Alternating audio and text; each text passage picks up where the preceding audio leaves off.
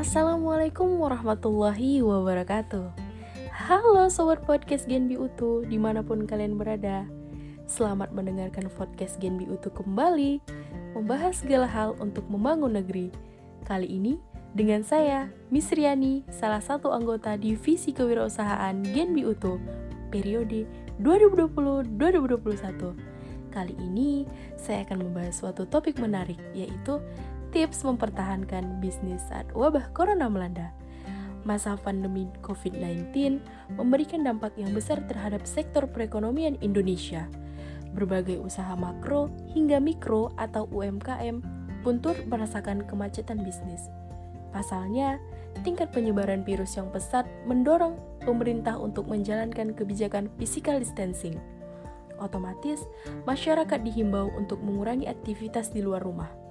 Dalam mensiasatinya, berbagai pelaku usaha melakukan adaptasi dan mode survival agar bisnis tetap menghasilkan di tengah pandemi. Dan berikut ini, saya akan sedikit memberikan tips agar bisa mempertahankan bisnis di tengah pandemi. Yang pertama, inovasi produk berdasarkan kebutuhan. Nah, menciptakan inovasi produk berdasarkan kebutuhan adalah salah satu strategi bisnis untuk bertahan di tengah pandemi. Seperti yang kita lihat, permintaan akan masker kain yang meningkat selama pandemi membuat banyak pembisnis dari segala bidang mau tidak mau banting setir menciptakan produk-produk yang diperlukan masyarakat. Pelaku bisnis makanan pun beralih menyediakan catering hingga frozen food yang dapat disimpan sebagai stok bagi para pelanggannya. Intinya, fleksibilitas produk adalah segalanya dengan memahami kebutuhan pasar yang sedang meningkat dan berinovasi, Anda akan lebih mudah mempertahankan kelangsungan bisnis di tengah pandemi ini. Yang kedua, tetap perhatikan standar kualitas produk. Pilihan menghadirkan paket ekonomis di tengah pandemi marak dilakukan oleh berbagai pelaku usaha. Daripada itu, standar dan kualitas produk perlu diperhatikan, mulai dari penggunaan bahan baku, Proses produksi, pengecekan produk, hingga packaging tetap steril dan aman sebelum dikirim ke konsumen. Dengan demikian, produk tetap diterima baik oleh konsumen. Yang ketiga, memaksimalkan layanan pengiriman di hari yang sama atau same day delivery. Kondisi pandemi yang berdampak pada beralihnya bisnis melalui jalur online membutuhkan partner yang bisa memastikan produk diterima konsumen dengan cepat dan aman. Karenanya, layanan logistik same day delivery menjadi populer untuk memenuhi kebutuhan pelanggan sehari-hari. Selain pengiriman yang hanya membutuhkan waktu 3-6 jam, Anda juga tidak perlu khawatir bila melakukan pengiriman produk yang beresiko basi maupun barang pecah belah.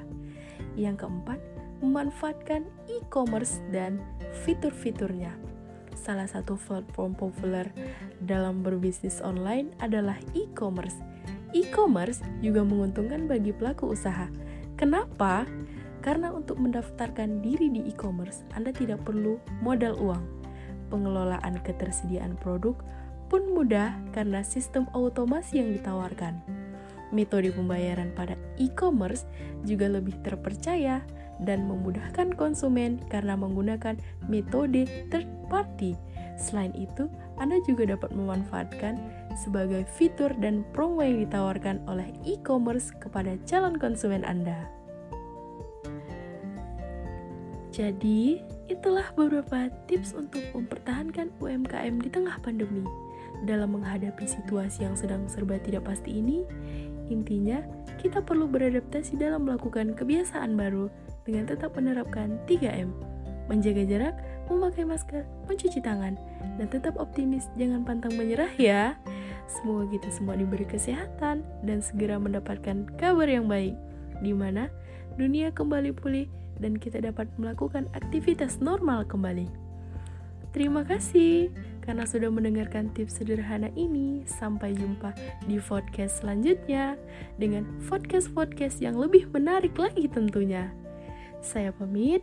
Wassalamualaikum warahmatullahi wabarakatuh.